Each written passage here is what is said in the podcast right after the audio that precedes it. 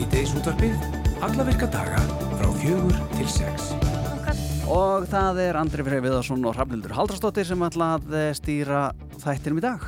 Hlutfall Karlkins umsækjanda um nám í Háskóli Íslands hækkar um 13% á milli ára sangant fyrstu tölum um skráningu nýnema sem að borist hafa, háskóla, há, borist hafa háskóla yðnaðar og nýsköpunarraðanundinu og raðanöndi stóð fyrir átaki undir yfirskriftinni heimurinn stækkar í háskóla.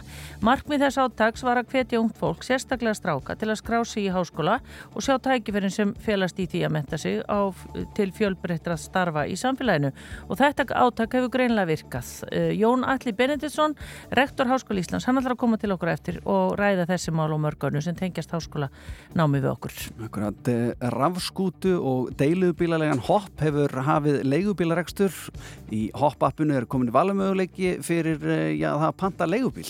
Eh, ný lögum leigubílarekstur tóku gildið þann 1. april síðastliðin og já, hefur stöðu, stöðuvar skilda verið afnuminn sem gerir leigubílstjórum kleift að keira fyrir fleiri en eina stöð. Sæjunósk Unnsteinsdóttir er frangatastjóri Hopp og hún kemur til okkur eftir og segir okkur allt um þessa nýju þjónustu. Í kvöld fer fram afindi grímunar, íslensku sviðslistavelununa og aðtöfnin fer fram í borgarleikusinu og verður auk þess í beitni útsendingu hér á Rúf. Kinnar kvöldsins eru Eiklo Hilmarsdóttir og Salka Gullbrá og Orri Hugin Ágúrsson. Hann er fórseti sviðslista Sambas Íslands, hann ætlar að koma til okkur í sítiðs útvarpið og ræða sviðslista árið og veistluna í kvöld og við ætlum líka að spyrja hann pólitíski gaggríni sem hefur borist meðal annars frá Gunnari Helgarsinni reytundi um að barnaleiksýningar séu ekki að fá verðskuldaða aðtikli valnemda. Tónlistamæðurinn Rúnar F. kemur til okkur eftir í þáttinn með kassagítar því að við höfum það ekki að fá til okkar tónlistamenninga sem að spila fyrir okkur lög í beinu útsendingu, sérstaklega veltegst til og hann alltaf er með að taka gítarna með sér og taka lagi beitni og jafnlega lögur að heyra nýtt lagi leðinni. Já, og margir eru á því að breyta nafni Östurlands í Sólarland, það er engin fyrða þar sem að blíða eistra hefur verið með indæmum og eftir ætlum við að heyra í Eirunu Hrefnu Helgadóttur. Hún ekkur kaffehúsið Fjósahornið á Eilstaðabúinu á manni sínum Baldri Gauta Gunnar sinni. En við ætlum að byrja á okkar manni í Brussel, Bytti Malmqvist. Sælablaðsa, Björn. Sælveriði. Vestu hvað er hérna frá Belgíu? Já, takk að gæla. Ert þú ekki að fara að drífa það bara á Östurlandið? Ég held að það sé betra viður þar heldur ég hér. Já, það er tilfellið. Það er hvaðan og gott að heyra.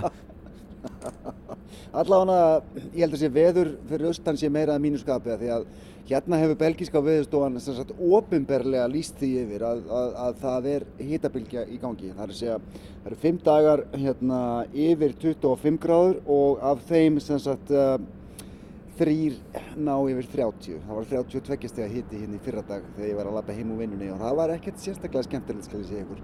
Ég veit þetta hljómar svona ekkert rosalega vel í eiru hlustenda sérstaklega á Suðvesturhóttinu en, en hérna fyrir þið veitir svona hvítan miðaldra kallmann frá Íslandi þá er þetta ekki uppáhaldsverið nei, nei. nei, það eru þessar öfgar sem maður verið að tala um að við erum röflandi hérna yfir, yfir skíafari og, og svo eru kannski aðrir að berjast einmitt við svona hita Já, ég meina þú veist, það er Meina, er, veist, það er frábært að komast í gott veður og ég skil alveg lungun íslendinga til þess að, til þess að það sé betri veður, sko, betra veður en, en svona, svona dag eftir dag þar sem að maður sefur ítla eða nótt eftir nótt sem maður sefur ítla og hérna út af, út af hýta og, og raka og hérna og, veist, það, það bara, þetta verður ekkert rosalega skemmtilegt svona til lengdara þannig að ég held að séu mjög margir hér að býða eftir því að þessu fara að linna, það er, svona, það er alveg fara að slá af, sko, ég held að sé 26 eða 7 núna. Uh, ég setur hendar, sko, ég, ég, sko, ég setur hins vegar á, á litlum svölum sem vísa í norður að því að það er skuggi, það er einfallega bara of óþægilegt að setja hínum einn, að ég er ekki með sólhlíf og, uh, og þannig að það er svona allt í lagi hér en, en veist, þetta verður bara þetta kemur frekar snemma í sömur kom hýtabölgja hérna í ágúst í fyrra ef maður sagt sem var mjög svæsin að fóra allt upp í sko næstu í 40 steg að hitta ég, bara, ég má ekki til þess hugsa sko. Þú ert alltaf mm. á ferð og flugi? Herðu, ég, já svona aðeins ég menna það er nú auðvelt að fara til, mér er sér til annara landa þegar maður bíl í bergið, það er ekki langt að fara.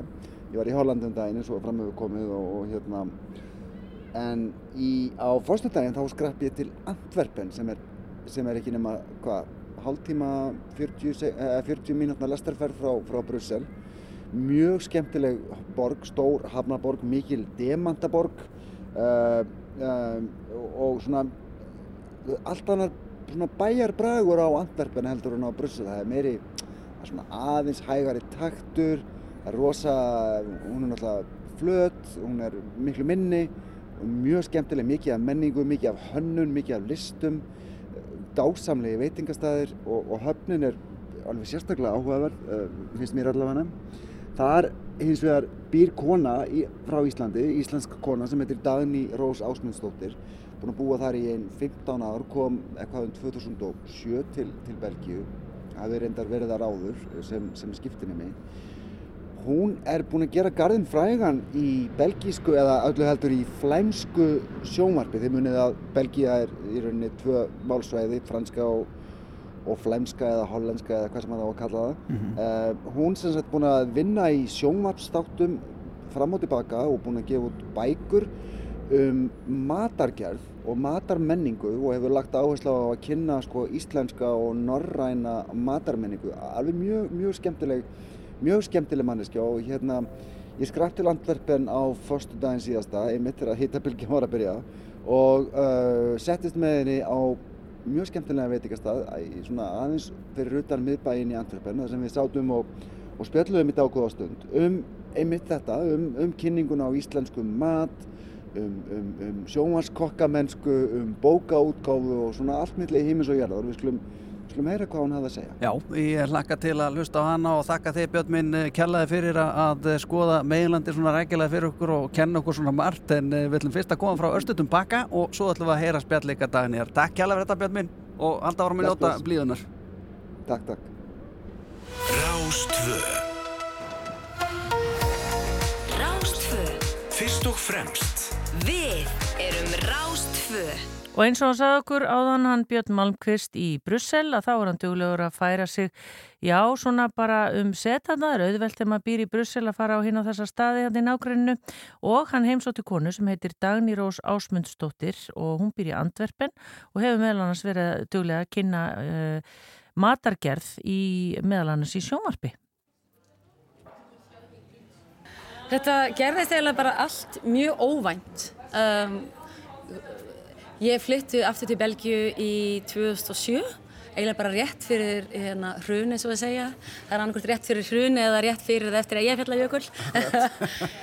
og ég hérna opnaði bara svona, já, trettur kallast það. Það er svona eins og fiskbú þar sem maður getur líka hérna, borða lönns og tekið með sér uh, mat sem er eiginlega uh, tilbúin til að fara í opninni eða á pönnuna. Nefnt og svo bara fór bol, boltin að rulla ég held að ég geti nú bara þakka þessi hrunisvöldi við vegna þess að, að hérna, allir hérna, bladamenn í Antwerpen vildu taka viðtal við mig þegar hérna, fórsættisráða vildi blessa Ísland. Og hérna eitt leitt af öðru og ég byrjaði bara að vera sem sidekick í nokkrum sjómanstáttum og svo allt í nú var ég bara komin hérna í Junior Masterchef sem uh, þjáttastjórnandi á samt einum, uh, einum frægasta kokk í Belgíu sem er með þrjár meðsilinstjórnur og síðan bara er eitt verkefnið öðru, búin að gefa þrjár bækur. Ég er orðin svona, hvað kallast það, svona uh, kulner gúrú vil, þú veist, í, í Belgíu.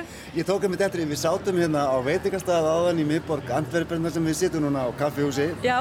og eins og fólk kannski heyrir, það var bílakerri var mjög okkur. Uh, ég tók eftir því að það koma þér bara fólk sem að einhvern veginn, þú þekkir ekki neitt og var að þakka þér fyrir bækurnar og sjónastættina og... Já, það er svolítið fyndið að að fólk brosir yfir lit og ég er alltaf svo ómannglögg og ég er alltaf bara hæ, þá, þá segir fólki bara já, þú þekkir mig ekki en við þekkjum þig og þakka mér fyrir hvað ég er alltaf lífsglöð og hress og læt allt vaða. Ég held að það er fílir svolítið svona klikkaða íslettingin, vikingin, hérna.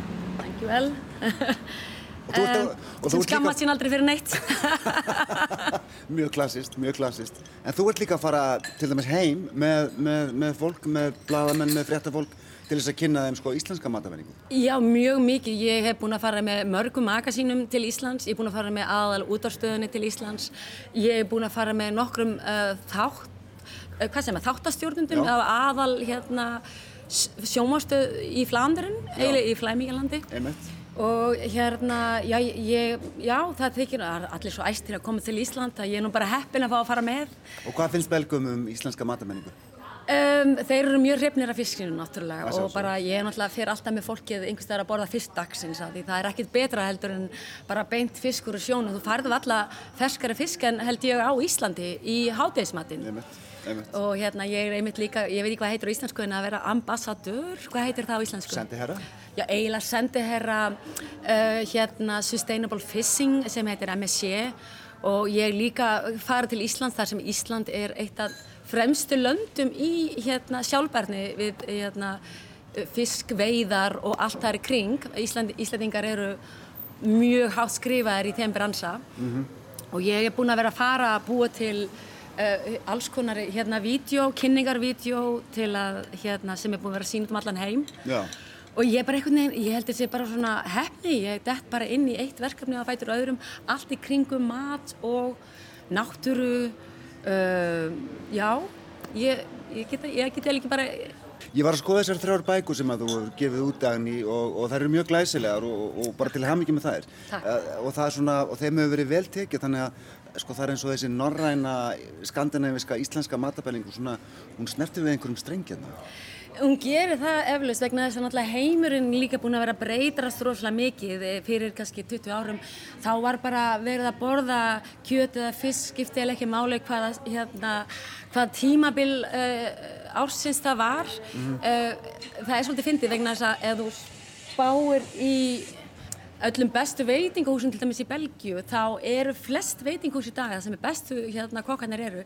Þeir eru allir að horfa á sjálfbærni uh, hérna uh, hvaða tímabili er seasonal fyrir ekki, ég þurfum Já, að sletta mínum Einmitt, hérna inn á milli. seasonal, hafa þetta einfalt uh, jurtir kannski úr eigin garði. En ef þú kíkir á hérna hvernig skandinaviska eða hérna nordiska uh, menning er þá var það þannig náttúrulega að við vorum bara við veiðar og veittum eða skutum það sem við vildum borða og þurftum að borða og eða, eða tína ber eða eins og foresting eins og maður segir einmitt. það er svo mikið inn í dag á, í bestu í veitingum sem bara í heiminum Mhm. er akkur þetta konsept og við hérna frá hérna Norrlöndunum við erum eiginlega frumkvælar í þessu, ég meina bara í síðustu viku var ég til dæmis í viðtali við eitt magasín út af gravlaxi og hún vildi einmitt heyra já, hva, hvernig kemur það okkur er gravlax svona hérna vinsalt í Skandinavíu? Og þetta kemur eiginlega frá árum frá vikingum eiginlega, við erum Íslandingar og hérna nor, við norð, frá Norrlöndunum við erum rosa mikið fyrir traditions og höldum því. Og það er líka alltaf að koma tilbaka núna. Já. við sjáum að við getum ekki bara uh, vera að flytja eitthvað ka- hérna, kjöt frá, frá Ástralíu Ástralíu, uh, til að borða hérna á Íslandi eða í Belgíu. Það þarf svolítið að spá í hvaðan koma hlutundum Já. hvað er í hérna, gróður í hverju sinni. Við sáttum með þetta á veitingastað áðan hérna rétt hjá uh, og, og þessum þú þekkir náttúrulega sjálfsögðu kokkin eða eigandan og, og þar vorum við að borða karfa. Karfa. sem var mjög skemmtilegur og mjög góður. Og einmitt eins og þú segir svona, svona einfaldur í, í eldun og, og framleiðslu og það er svolítið línan Það er lína vegna þess að ég hérna, er eina sem fólk segir við mig með Belgíu, ég er svolítið verið að kenna belgum að borða fisk. og já, það er svolítið, þeir segja það yfirleitt í viðtálunum að ég hef verið svona, í svona prínu frumkvöðul í því. Uh, margar mæður alveg þak, þakka mig fyrir að kent börnunum mín að borða fisk þegar ég var með fiskibóluna mínar í búðinu minni. að því að krakkar þeir borða allar bollur en ef við horfum orðið fiskur þá voru það svolítið hrætt. Já, já. En hérna, karfi, nú, nú er sem ambassadör hérna, eða sendi hér MSC, þá er mitt hlutverk svolítið að kenna fólki að ekki alltaf einblýna á þorskin. Þorskurinn er ræðislegur, en ef allir er alltaf borða þorsk allt árið í kring, já þá getur hérna, það eftir mjög slæm áhrif á stofnin og sjóin okkar. Einmitt. Þannig hérna, við vorum svo heppin að, að hérna, karfi er akkurat í season núna og hann, mér finnst hann eiginlega bara betri. Þú, þú prófaðir að ná það Já, já. og íslenski karfin og svo voru þeir með belgiska hérna aspasin sem er Akkurat. akkurat núna í season í Belgíu. Akkurat. Ég er svona, þetta er svo gaman einmitt að taka þessar hluti frá Íslandi og svo tekur veist, þessar hluti sem Belgia stendur fyrir og það er einmitt til dæmis aspas, eitt af mörgum uh, Einmitt maður tók eftir í um daginn að alla búðir fylltast af aspas Já. allir veitingastæði voru að bjóða upp á einhverja aspasrétti við fengum aspassúpu í, í svona, Í- í, svona smakka. Apéró. Það er einmitt líka, þú hefur líka til dæmis um, ég veit ekki hvað þetta heitir á íslensku, villóf. Þekkjur það, það er svona kál sem er svona, svona stutt Já. og það er hérna er líka einmitt sísón í Belgíu. Ég lærði það eiginlega, ég lærði eiginlega að borða það þegar ég kynntist manninu mínum. Já.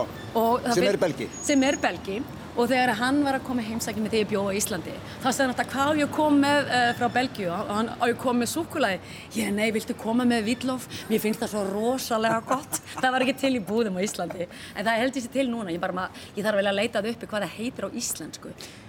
Kannski finnum út af því bara hérna, eftir vittalið en, en sko, kannski eitt að lokum svona, þú veist, matarmenning belga eins og hún blasir við þér. Ég skal segja ykkur það að það, Belgia er eitt besta kulinæri land sem ég, ég, ég ferðast mjög mikið um heiminn uh, fyrir vinnu og hérna skemmtun. Já, já. Líf snýst bara í kringum að borða og njóta. En ég segi við fólk, ef þú ferð hérna með eh, bundi fyrir augun, bara hend inn í Belgíu einhver staðar og þú rampar inn á eitthvað veitingastað þá eru mjög mikla líkur á því að maturinn sé góður og sérstaklega belgíska eldúsið sem er svona bistró uh, Æ, þá veist það er svona stófles, veist, eldað í bjór, rátt kjöt sem er skorið, maður er aldrei svona topp, topp uh, vörur sem eru notaðar. Og ég mæli með öllum sem að ferðast til Belgíu, Antwerpen eða Brussel eða hvert sem er að fara inn á ekta belgiskan veitingast og borða, prófa belgisku réttina. Það er bara snild. Ég meina, Ísland er æðislegt. En ég held, fyrir mér er Belgia miklu hærra heldur nokkuð tíma Frakland. Og það er ekki lítið sagt. Nei, það er ekki lítið sagt. Þeir eru svolítið mikið, til dæmis bara french fries, það er ekkert french, það er belgist. Menns, fólk veit það bara ekki. Það er þjóðarættu belga. Já. Það er Ég kemur hef frá tekið Belgíu. eftir því. Já, eh, Belgia með, með bjórin, með stúkulaðið, með hérna, litlu rækjurnar Jú, jú. sem er kallað gull hafsins. Og það lítur svolítið illa út þegar þú sér það í fyrsta skipti. Ég man þegar ég sá það, ég held að það voru svona einhver gráur ormar. Þegar þú prófar þetta, prófaðu krókettirnar, bara þú verður að prófa þetta. Ég hef prófað eru- já, og sérstaklega borðarar í Ostendi eða í ströndin einhver staðar. Þær eru himneskar. Þetta eru himnest. Þeir eru með svo mikið að gullvörum hérna að hérna, ég held bara að ég þurfa að fara að kynna það betur á Íslandi. Hvað eru æðislega vörur á Belgíu sem passa vel við íslenska fiskin til dæmis. Dani, þakka að kella það fyrir. Velkomin. Á þetta fréttaréttur okkar í Brussel Björn Málkvist að tala við eh, Dagníu. Já, hún er greinilega að gera það gott þessi kona með íslenska matinn sem við erum alltaf svo stolt Já, af. hann er svo góður. Já, hann er mjög góður. En uh, gaman að heyra þennan hérna svona duglegur að ferðast þarna um, um uh, nærliggjandi. Allt fyrir þáttinn. Allt fyrir þáttinn. En uh, það er sem sagt breyting á leigubíla, hérna, hvað ég að segja, kerfinu á Íslandi því að rafskútu og deilibílalegan hopp hefur hafið leigubílarekstur og það er sem sagt komið app, hoppa app og það er valmöguleiki og það er hægt að panta sérst leigubíl og þetta er allt í kjölferð á því að, að nýlögum leigubíla akstur tóku gildið þann 1. april síðastliðin og stöðvar skilda hefur verið afnuminn þar að segja uh, leigubílstjórar uh, þeim er nú gert kleift að keira fyrir fleiri en eina stöð og hingaði komin Sæin Ósk Unstensdóttir, frangatastjóri Hopp, velkomin. Sæl, takk. Það lítur að vera bara daldi mikið gaman hjá ykkur í dag og okkur öllum eða hvernig er þetta? Mikið gaman og mikið spenna fyrir morgun, morgundeginum þegar við svona officially störtum þessu. Já, en eru þið bara svona að skilja þetta? Já. Að því þarna kemur fram að það eru semst leigubílstjórar sem eru að vinna annar staðar sem eiga svo keira fyrir ykkur líka. Mhm. Eru þið líka að bæta við nýjum bílstjórum og nýjum bílum? Já, sko í fyrsta lagi er þetta bara sama hopp appið. Þannig nú erum við bara að auka við þennan þriðja valmöguleika. Þú getur valið þig hvernig þú allar að fara á milli staði eða hoppa á milli staða. Og það er að, Krist, við erum komið með svona cirka um 50 bílstjóra sem eru núna skráðir hjá okkur. Og þeir eru bæði bílstjóra sem eru að keira fyrir aðra stöðvar því að við fögnum því, við, það er nóg pláss fyrir okkur öll, við erum ekki að fara að bjarga svo einu degi. Og svo líka mikið að nýjum bílstjórum því sem hafa verið útskrifast og ekki fengið tækifæri að aka á öðrum stöðum.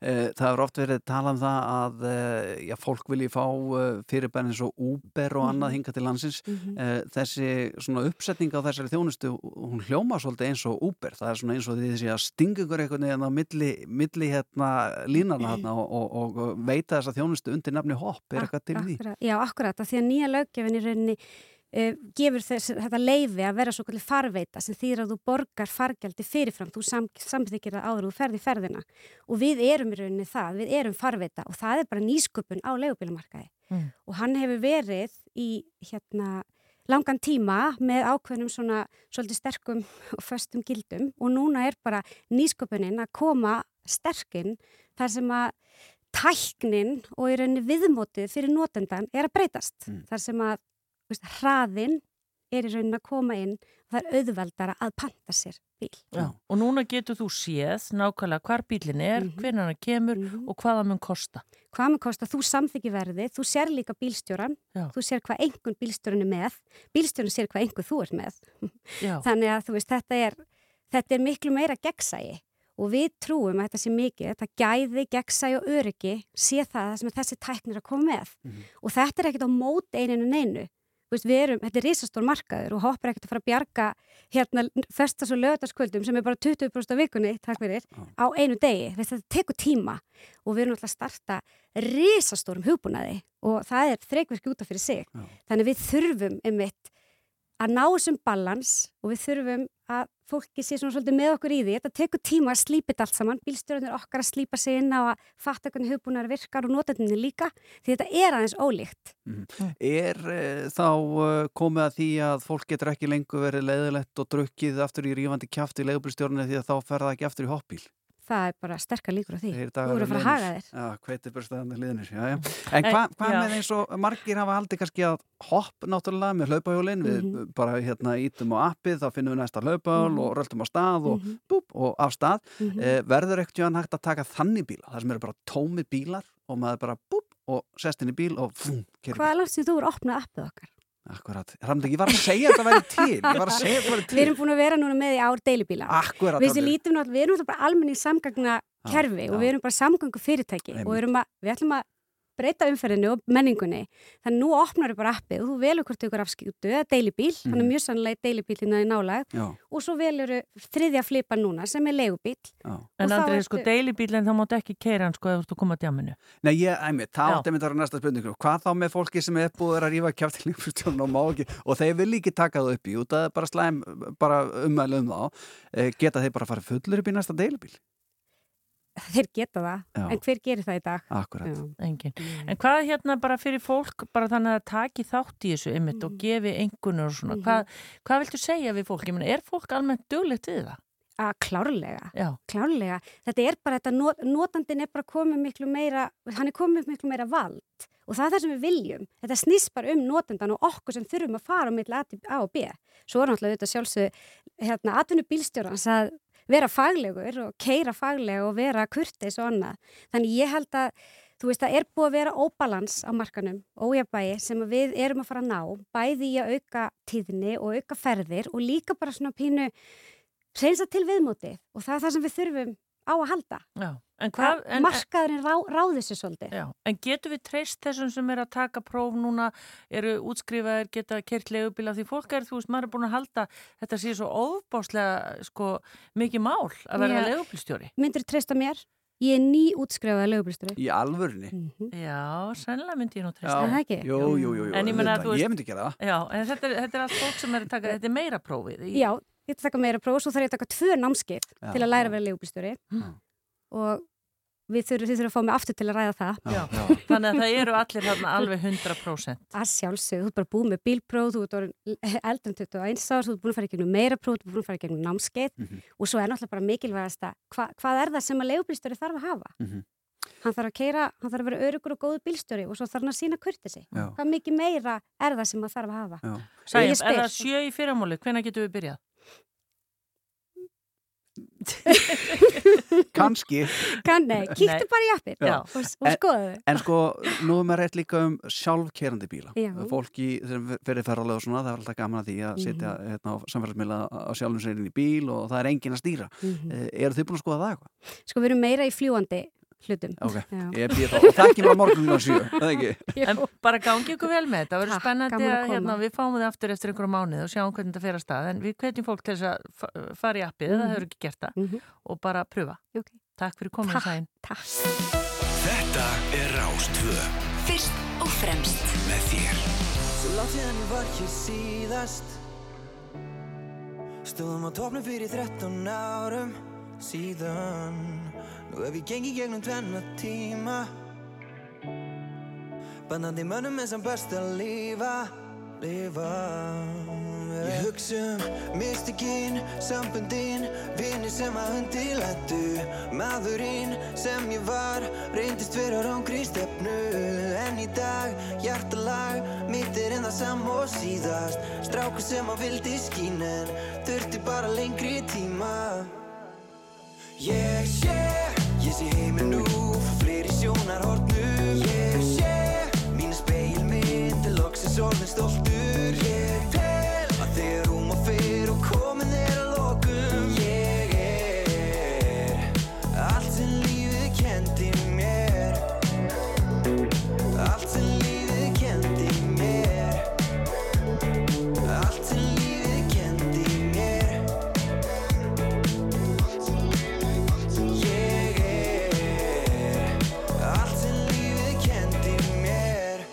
út á spórinu, týndist í sannleika sagt, var fastur í fortíðinni og ég tók flöskuna fram yfir allt. 13 ár, þúsund ár, allir hafa djöful að draga, allir hafa einhverja sögu. Og mín byrjaði á komdu tilbaka. En ég læri alltaf meira, lífið stækkar, tíminn læknar, sárin gróa, árin róa, ég vil meira, ég vil heyra, en ég stopp ekki og ég hætti ekki, alltaf trúa mig, ég er fljúandi eins og fyrildi yfir heiminin, pappi sjáðu mig, litla strákið þinn. Ég sé, ég sé heiminn nú frá fleiri sjónarhornum. Ég sé, mínu speilmynd er loksins orðin stoltur. Ég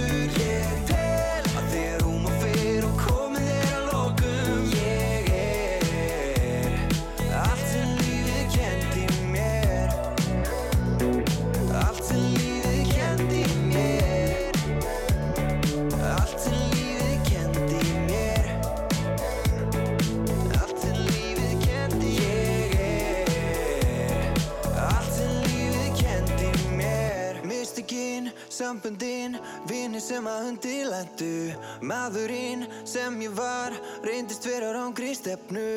En í dag, hjartalag Mitt er en það sam og síðast. Strákur sem að vildi skín En þurfti bara lengri tíma. Þurfti lengri tíma. Ég sé, ég sé heiminn nú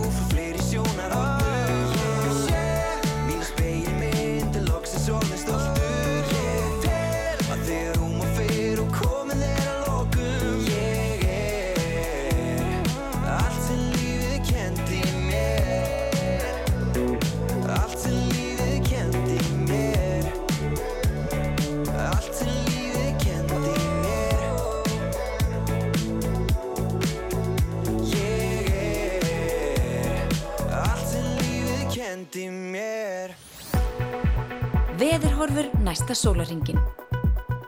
Já, ég randur hérna rétt eftir að að ringja í Sólaland eins og Östurland er nú kallað mörgum þessar dagana eða Östurífe. Já, einmitt. Heyra bara hvernig þetta er dag eftir dag að vera í svona hita. Hvernig er tilfinning? Hvernig er tilfinningin?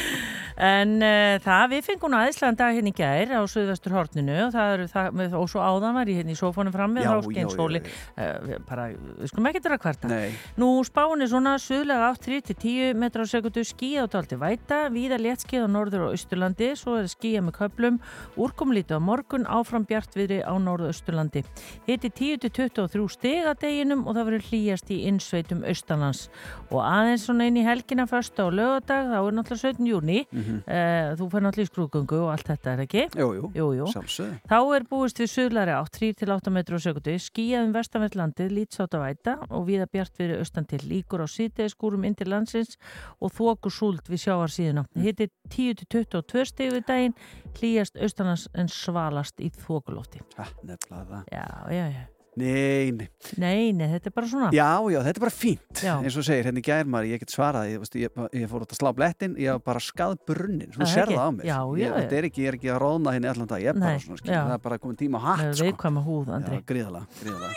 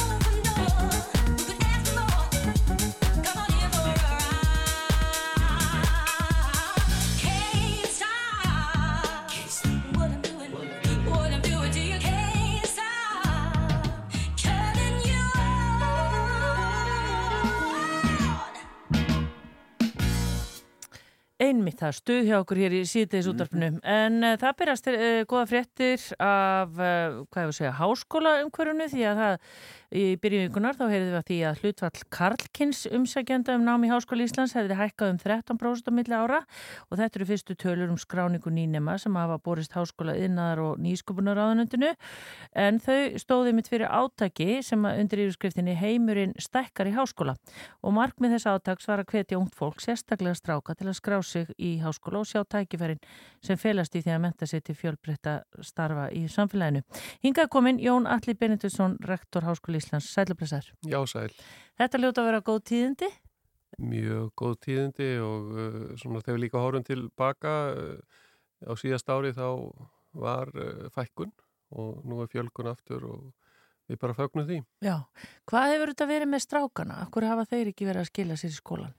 Þetta er nú mjög flókið mál og ekki kannski einn ákveðin hérna, menn eitt, eitt ákveði svar við því. En það sem við sjáum er að um, strákar þeir eru semst, þeir sem koma inn á háskólastíð þeir eru bara semst, haldast þar eins og, eins og stelpur eða konur og kallar en um, þetta gerist fyrr í skólakerfinu og uh, það eru rannsóknir sem hafa verið að skoða þetta og það eru held ég bara ýmsar ástæður til þess að eh, þeir eru ekki að koma upp en þess að segja bara til þess að breyta þessu þá þarf uh, svona leggjast áratnar og, og vinnum saman af því. Já, er þetta ekki liðin tíð að eh, einu sinni var að þannig að það var alltaf, hérna, kallarnir voru í raungrununum og eitthvað svona, það eru þetta bara laungu liðin tíð?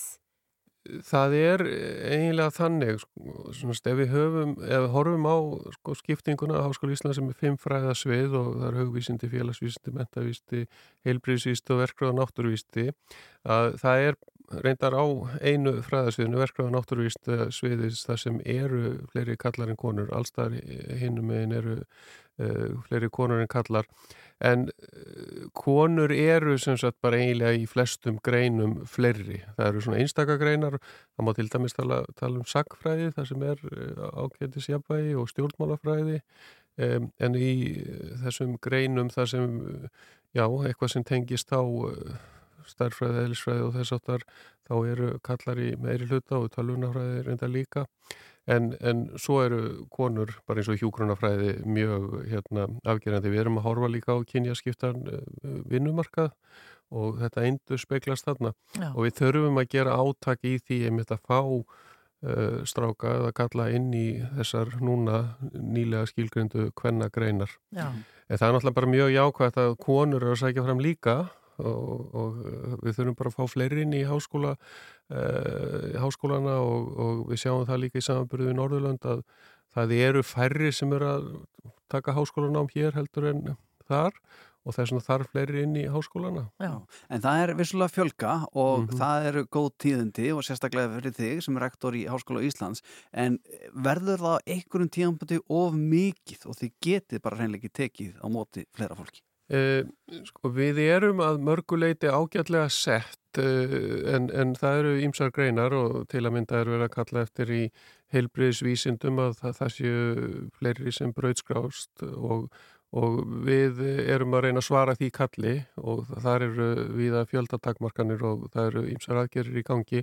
Svo það er svona eitt þar sem við getum ekki tekið við öllum en, en uh, það sem kannski gerir okkur erfitt fyrir er að það séu mikla sveplur og til að mynda ef við horfum á greinin svo viðskiptafræði sem mjög vinsæl hjá okkur og þá e, þegar það svona gefur á bátinn í þjóðabúinu þá koma kannski margir inn og svo þegar atvinnulífið er e, mjög lifandi getur við sagt þá, þá hérna er, er kannski mingar þar á móti sko, svo það kannski þar meiri stöðuleika en hins vegar erum við með opnar dyr sem háskóli og við höfum talið það mikilvægt og, og við höfum fundið það í íslensku samfélagi að hafa svona stóran háskóla, breiðan háskóla sem tekur á móti bara fólki eða vil koma í nám. Ég held að það sé jákvægt en En uh, þegar greinar breytast mjög mikið og eru mjög vinsælar á skömmun tíma þá þarf náttúrulega breyðast við með ráðningum og það er eitthvað svona sem tekur aðeins lengri tíma svo að stöðuleiki er líka mikilvægur. Já. Hvað með húsakostin? Eru einhverja svona viðbætur þar?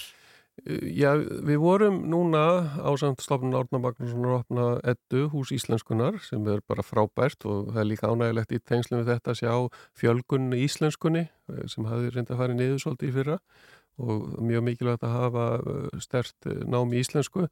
Síðan opnum við hérna hús fyrir alþjóðu, sagt, fyrir tungumálinn, alþjóðlega tungumál og menningu, hús Vigdísar. Eh, við erum núna að opna sögu á næsta ári fyrir mentavísindin og það er að mínum að þetta er gríðarlega mikilvægt skref. Svo að þá flytur mentavístasviðið á megin svæði háskólans og við sjáum það að þá verður bara höfuð setur fyrir mentavístin bara í hjarta háskólasvæðisins, ný einlega miðstu háskólasvæðisins, þá sjáum við að það verður mjög mikil samlegð og, og tenging við önnur fræðasvið. Síðan er hús heilbriðisvísindarsviðs, það fer bráðum núna uh, að fara af stað, það hefur verið, hefur verið lengi undirbúningi, heilbriðisvísindarsviðið okkar er dreift víða um borgina og uh, það mun opna á sama tíma meðferðarkjarnin og síðan erum við að hugsa bara í framhaldinu um nýtt hús eða nýja byggingu fyrir verkra og náttúrýstasvið en ég myndi bara segja svona almennt séð að háskólinn er ekkert illa settur hvað húsnaði varðar. En hins vegar breytist það ef fjölgar mikið við, nú erum við með 14-15.000 nefnendur, ef við förum til dæmis upp í 20.000 þá þurfum við að huga þessu. Já. Hafa fyrirlestra húsnæði og, og, og líka náttúrulega húsnæði fyrir starfsfólk. Já, það er hérna bröðskráning eða ekki núna hvað, 2004. júni og það er, er það þá bara svona fjöldi sem er svona í meðalagi og verður þá væntalega Já, við erum með yfir 2000 hérna, kandidata sem er að bröðskrást og Í aðtöfnunum hjá okkur erum við ekki með doktorsnema sem bröðskrast og við erum með svona millir 80 og 90 á hverju ári og samanlagt svona bröðskrast á háskólanum um 3000 eða upp í 3500 á hverju ári svo það er mikil gangur í þessu. Já og svo rétt í lokin sáum við að unga fólkið, háskóla unga fólksins, hann er alveg á fullri ferð líka núna. Alveg indislegur tími og svo gaman að sjá krakkana og og hvað þau eru áhugaðsum og ég hef sjálfur kent þarna og mér hefst bara frábært að fá spurningar frá þeim svo við fögnum því og þetta hefur þennan tilgang að mitt að bara kynna líka háskólan fyrir þeim og svo er þetta bara það er hérna leikur að læra og, og, og þau það er mjög mikið svona hugbind að auki í skipulagningu námskeiðana og það er 250 nefndur hjá okkur núna og, og Þetta er bara einstaklega góður tími svo að fimm dagar í þetta og semst í þessari viku og þetta er svona sumarbóði. Já, einmitt það. Bjart Tramundan, takk kærlega fyrir komuna í sítiðs útarpið Jón Alli Benediktsson, rektor Háskóli Íslands. Kæra þakkir. Some people call me the space cowboy Yeah Some call me the gangster of love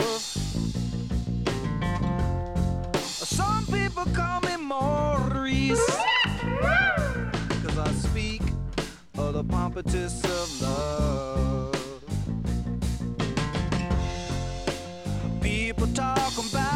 Me, baby. Say I'm doing you wrong, doing you wrong. Well, don't you worry, baby, don't worry. Cause I'm right here right here, right here, right here at home. Cause I'm a picker, I'm a grinner, I'm a lover, and I'm a sinner. My music in the sun. I'm a joker, I'm a smoker, I'm a midnight toker. I get my loving on the run.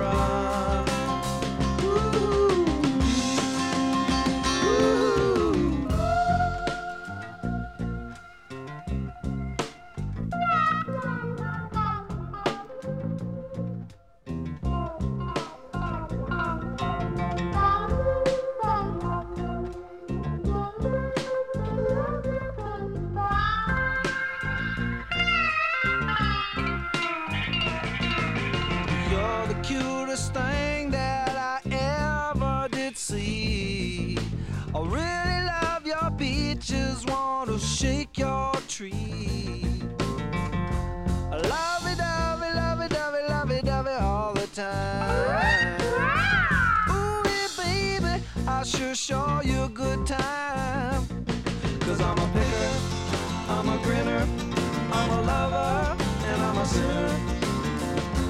Play my music in the sun. I'm a joker, I'm a smoker, I'm a midnight toker. I sure don't want to hurt no one.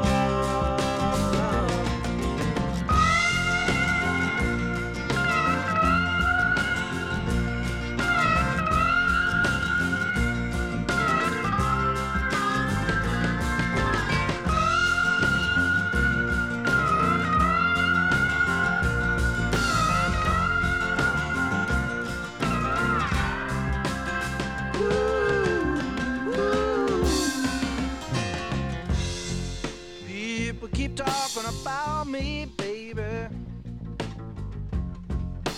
Say I'm doing you wrong. Well, don't you worry, don't worry, no, don't worry, mama. Cause I'm right here at home.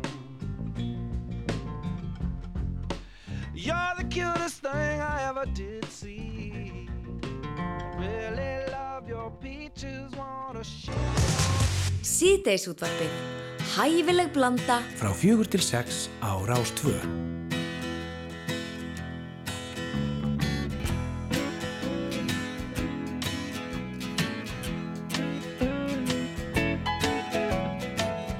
Vetur kemur og vetur fer En alltaf vorar í sálin á mér Ef aðeins þú ert mér hjá Þú hjá Þú ert mér hjá. Alltaf ertu svo blíð og góð. Kjút í pæjan mín trítilóð Ef aðeins þú ert mér hjá Þú ert mér hjá Þú ert mér hjá. Og þó ég oft í deilu lendi fyrir vín Þá kemur þú með brosi þitt blítt til mín. Og það er sama hvert um heiminn ég kvolvist og fer Mitt hjarta verður eftir hjá þér. Syngjum glöðari du-da-da. Dátt af gleði ég syng og hlæ Ef aðeins þú ert mér hjá Þú ert mér hjá, þú ert mér hjá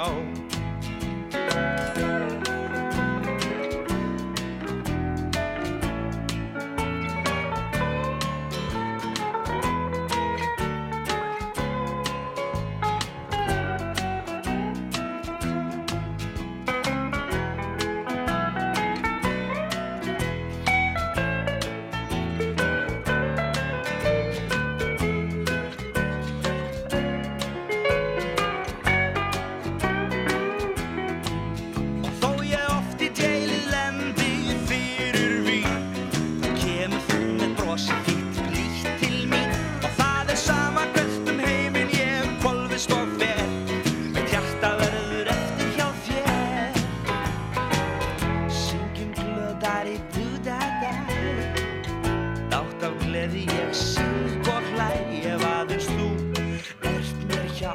Þú ert mér hjá, þú ert mér hjá. Ef aðeins þú ert mér hjá Þú ert mér hjá Þú ert að hlusta á síðdeisútvarpið. Á Rás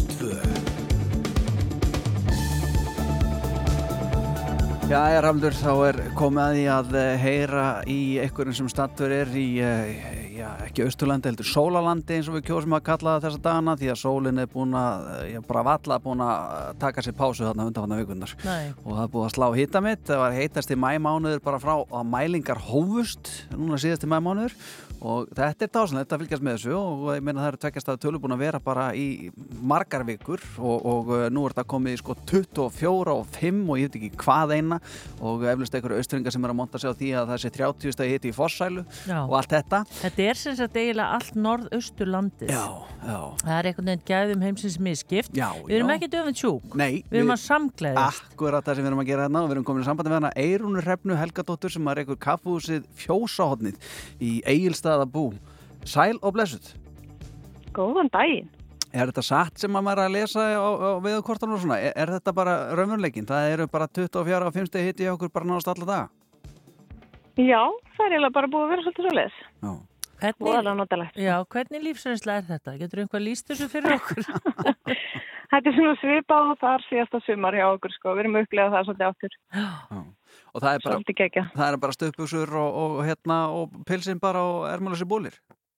Já, já, það gengur ekkert annað sko. Og ég hafði sandala með. Svolítið erfitt að... Já, já. Já. Hva- Hvað svo þetta er Og þetta? sólarvörn. Já, já, þetta.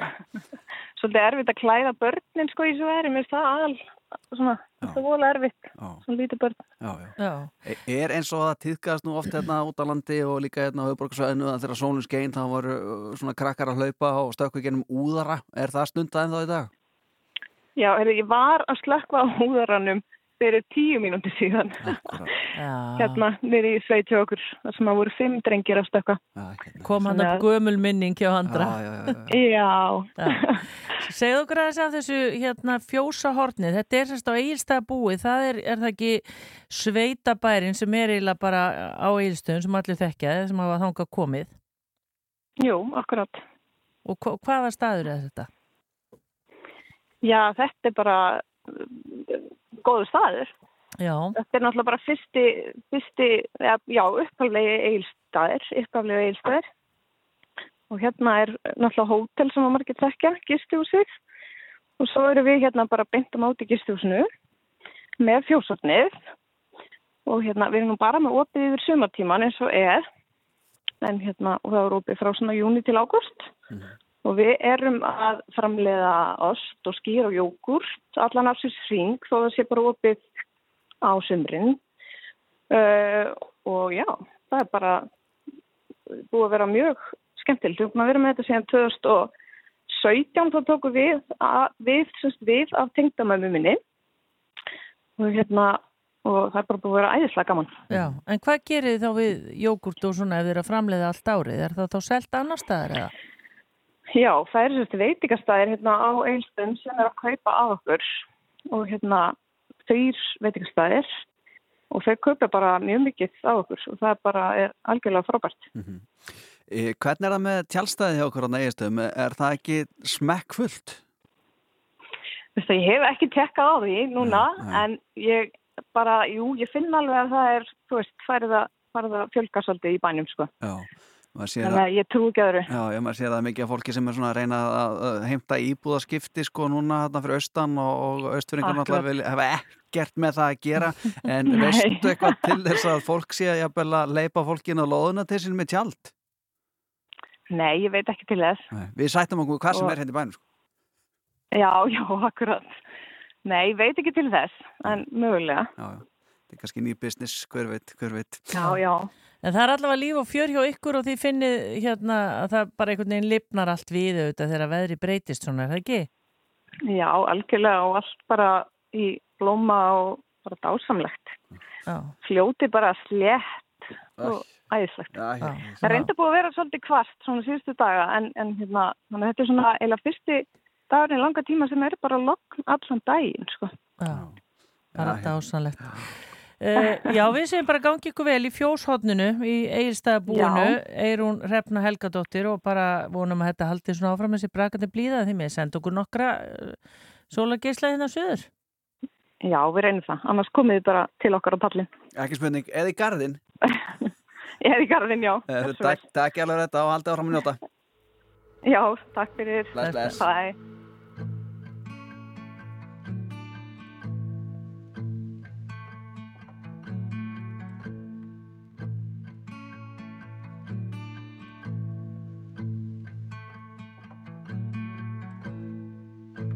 Þegar borgin slekkur á sér. Á finn í losnum þessa debur Ég veit ekkert hvað amar að mér. Get ekkert í því gerð Ég er þannig að Guði gerð Ég er ekki eins og fólk er flest. Nei, sín og fegur. Ég hef alltaf verið tossi úr skóla lífsins. Get ekkert í því ger Ég er þannig af Guði gerð En kunnum alltaf vera að hafa gaman. Eiginlega líf okkar og hlægjum síðan yfir þessu saman. En kunnum alltaf vera að hafa gaman. Eiginlega líf okkar og grátum síðan yfir þessu saman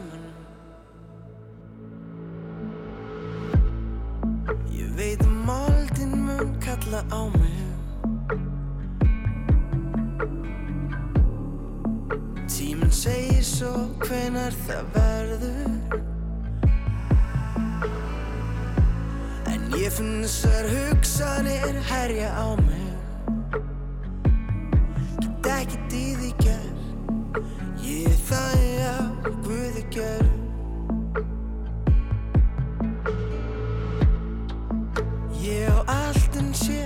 sem vandar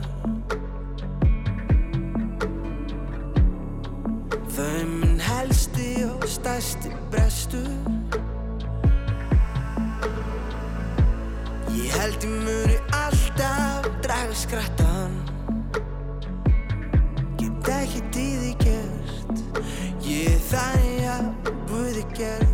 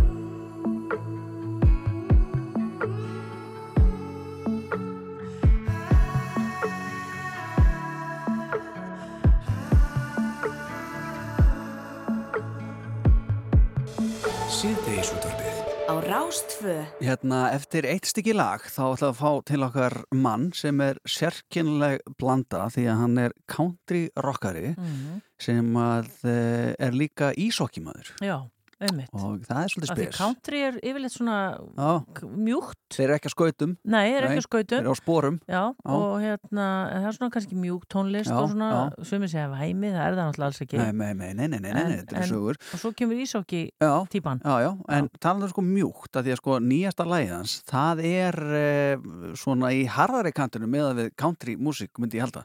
Maður þetta er myndinni Roadhouse. Já, já. Já. Ef að hún er endurgerð, eins og svo marga myndir eru gerðar upp á nýtt og þá koma nýja leikarar og aðeins öðru í sér sögurþráður og svona og ný músík og eitthvað, þá sé ég nýja lagið hans Rúnar F fyrir mig sem sko loka lagið í nýju Roadhouse-myndinni Já. sem er náttúrulega ekki til, ekki heldur í framlustu þetta er bara svona, þetta er bara dagfrumar þetta, þetta er svona kreditlista sko lagið, Já. það kemur í lokin sko, stafinn er að koma upp hvað sko, það er þetta laga með honum, sem heitir Texas Bound svo ætla að spjalla eins við hann og, og hann ætla kannski að spila fyrir okkur lag sem að, já, fleiri þekkja en þetta lag. Drove down from Tennessee,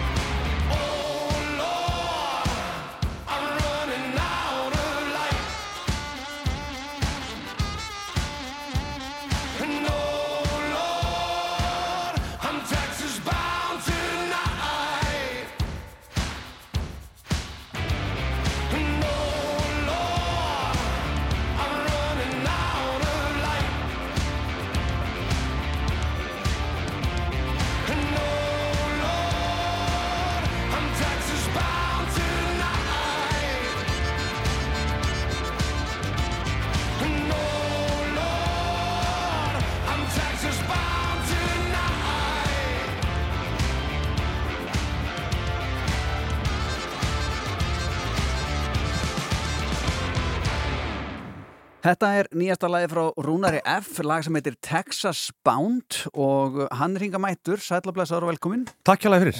Við vorum að velta fyrir okkur í að framlundur hérna áður en við settum lagið í gang að þetta er svolítið sérkennileg blanda að, vera sagt ísokki maður og uh, svo spila country í þessu milli. Já, það er, kannski réttið þér. Ég veit allavega ekki um neitt annan tónlistamann sem er hockeyleikmaður og Nei. Þjálfari. En hann er hérna. Hann er hér. Vonandi sá eini í heiminn. Kannski. Já, já. En í dag er þetta að þjálfa unlingarlandslið Íslands Já, í þjálfa- ísokki. Já, U18. Já. Hvernig gengur það? Bara rosa vel. Ég er búin að vera með hann núna í tvö ár og hérna, það er bara búin að ganga rosa vel. Já. Er þetta ekki daldið, það er Akureyri það ekki með hérna, aðstöðu og svo Reykjavík, það er... Jú, það eru tvölið hérna í Reykjavík Já. og ég held að segja bætast við fjóraðaliði núna við næsta tíðanbíl. Já. Og hérna, jú, jú, það er mikil gróska, það er allt sprungið eins og fyrir norðan, sko, allt barna og ólingastarf og það er verið bara konum með þrjú lið í alla barnaflokka og þannig að það er bara frábært. Og stelpur á fullu í Já, þessu líka? bara- stelpunnar eru sko það er eiginlega að standa okkur bara framar ef eitthvað er sko, veist, það er, já, það eru mjög flottar á svona og vera að fara rætt upp Já.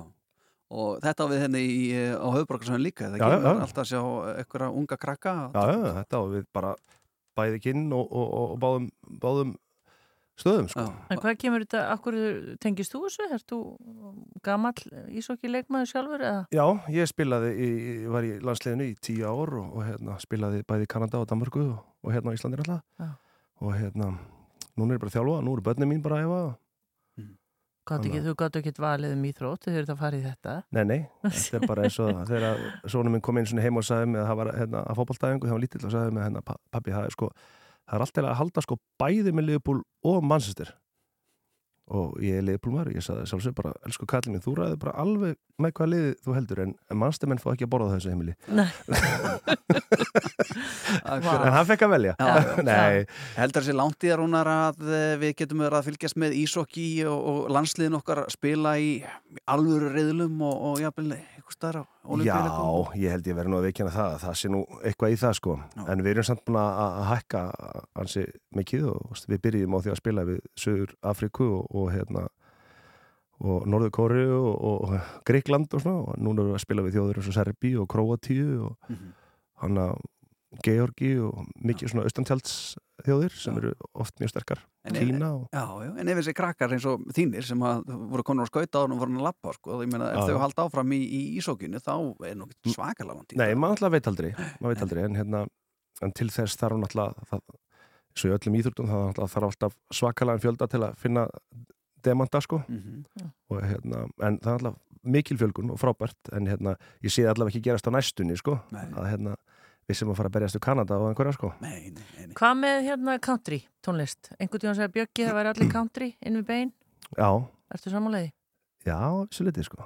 Uh, Country tónlist er náttúrulega bara hérna Þetta er bara sögustund sko. Þetta er hérna Þó að reyndar sko Ég er engin svona ofbáslegur aðdándi að, þessu nýja pop country sko sem að, að, sem að þeir syngja bara um pick-up bílinn sinn og, og konuna sem var að fara frá þeim og hundin sem var að deyja sko.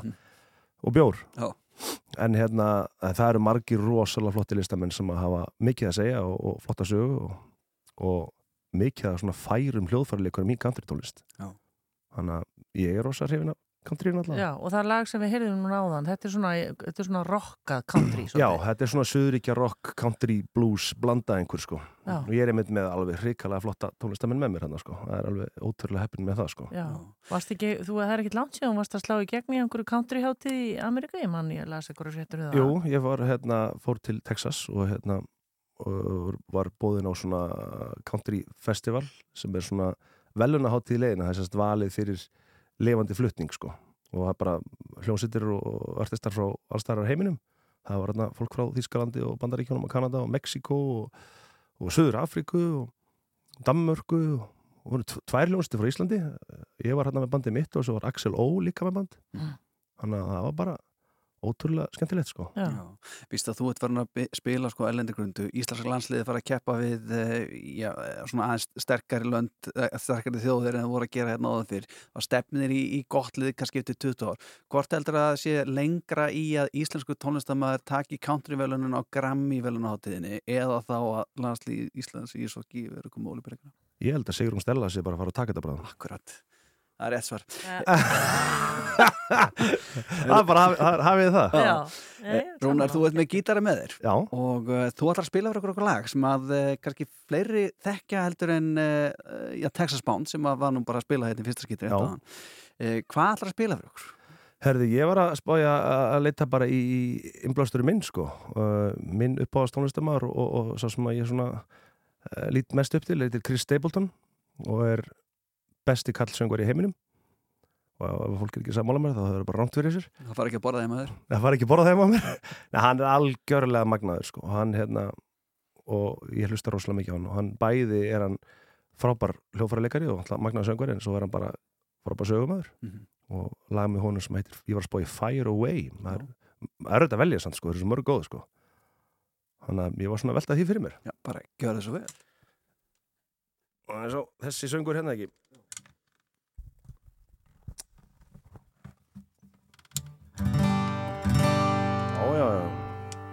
Heyrist í þessu?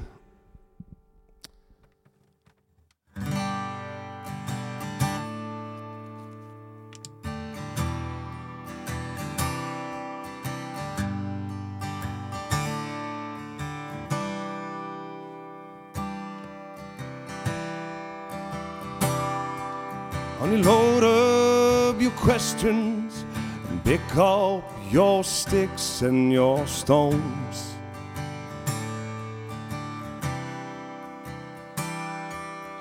Pretend I'm a shelter for heartaches that don't have a home. Choose words that cut like a razor. That's all I can say is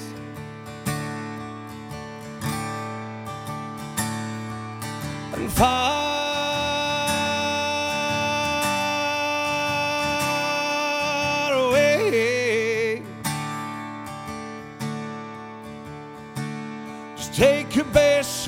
show me what you got. Now, honey, now I'm not afraid. Red back and take aim.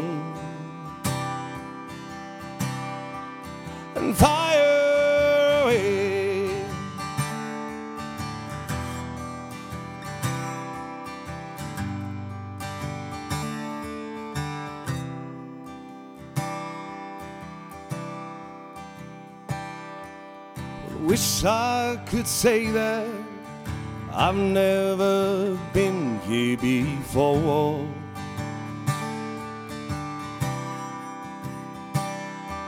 But you know, and I know that I'll always come back for more. Your love must be my damnation. I cried to my grave.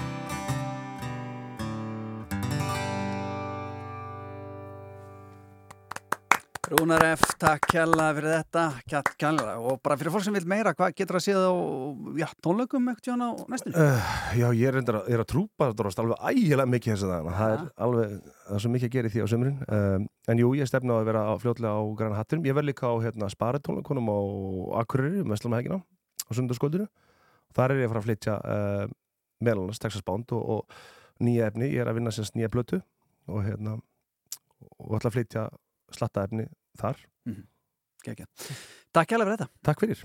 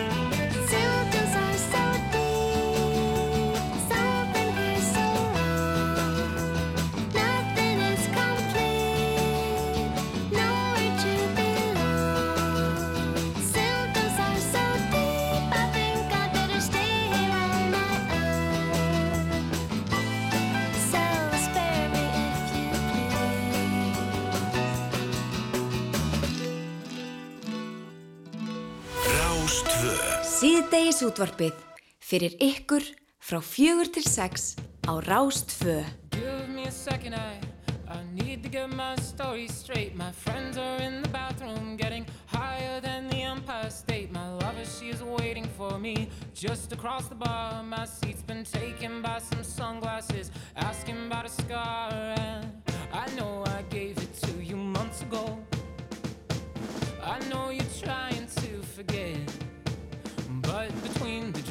Subtle things, the holes in my apologies, you know, I'm trying hard to take it back. So if by the time the bar closes and you feel like falling down, I'll carry you home tonight.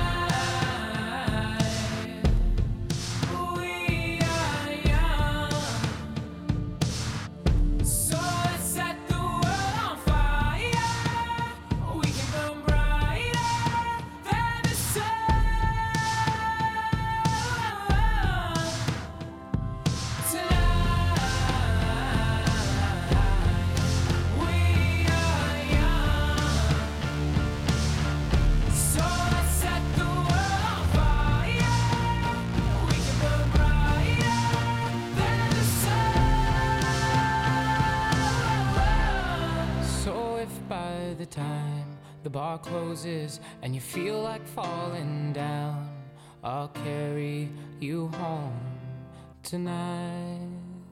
You know Já. Mhm.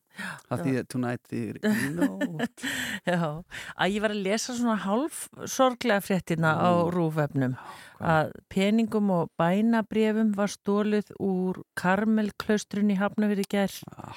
og kapillan verður áfram opið þráttur þjófnaðin en Abbadísin harmar atvikið og það er viðtal við hann inn á rúfefnum Já. og það er alltaf byggja fyrir þjóf sem að stalaðum bauk og bænum. Hugsaðir. Það er strax búið fyrir ekki að Já, það er bara því að senda kærleikan hana. Já, já, já. Já, ég ég, fekk svona aðeins sting.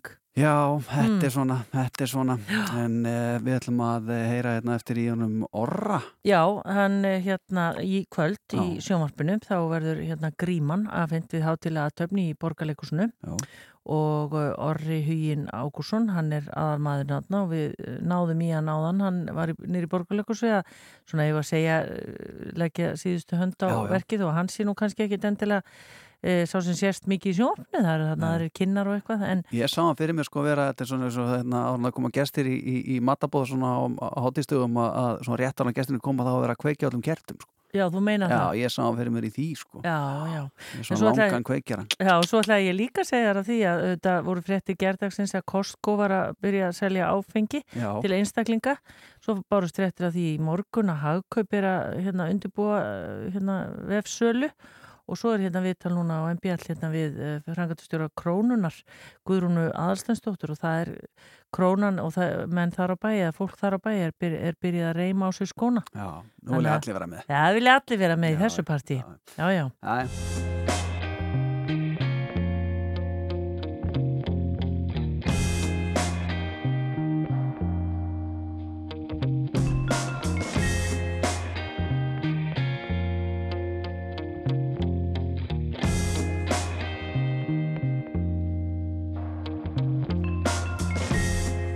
One day love couldn't be found?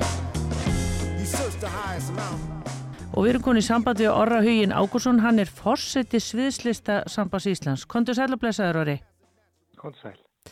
Já, er ekki allt í, hvað ég að segja, allt, hérna, allt að vera tilbúið?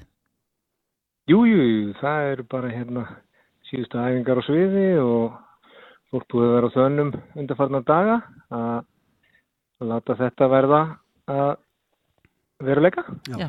Er gríman ekki alltaf að stækka svona í, í einhvern veginn eh, sem viðburður? E, já, jú, jú, kannski, ef það er, ef það er þín upplifun þá er hún auðvitað rétt, sko. Já, ég er náttúrulega bara Já. að horfa á þetta í sjónvarpinu sko, mér er aldrei bóðið en, en það er mín upplöfun í sófanum.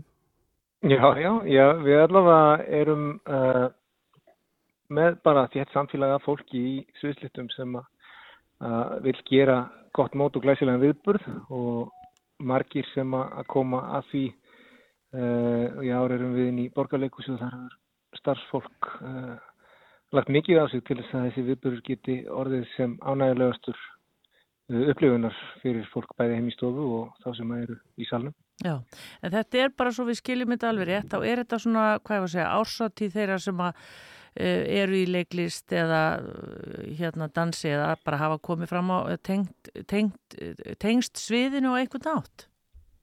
Já, já, ársáttíð, jú, það má kannski kalla það það. Þetta er, er uppskýruháttíð, þetta er auðvitað fagverðlaun, það sem er valnefnd sem að vinnur uh, hörðum höndum allan veturinn við að, að sjá og meta það sem búið er upp á í svislistum uh, og uh, þessi valnefnd hún ræður síðan ráðum sínum, fer yfir leikárið og endingu þá kjósa þau en ganga til kostninga sem einstaklingar, einhverjum bundin eigin sannfæringu og kjósa í leynilegri kostningu og, og uh, á viðbörunum í kvöld þá erum við að, að svona heiðra og viðkjanna það sem þótt hefur skara fram úr á einhvern máta á leikárinu uh, í fjölmörgum verðlunaflokkum, það verða veitt verðlun í átján flokkum og, og heiðusverðlun grímunar að auki sem að, er árvis viðbörður þar sem að uh, við uh, heiðurum einstaklinga fyrir framlag þeirra, æfi framlag sitt til svislista.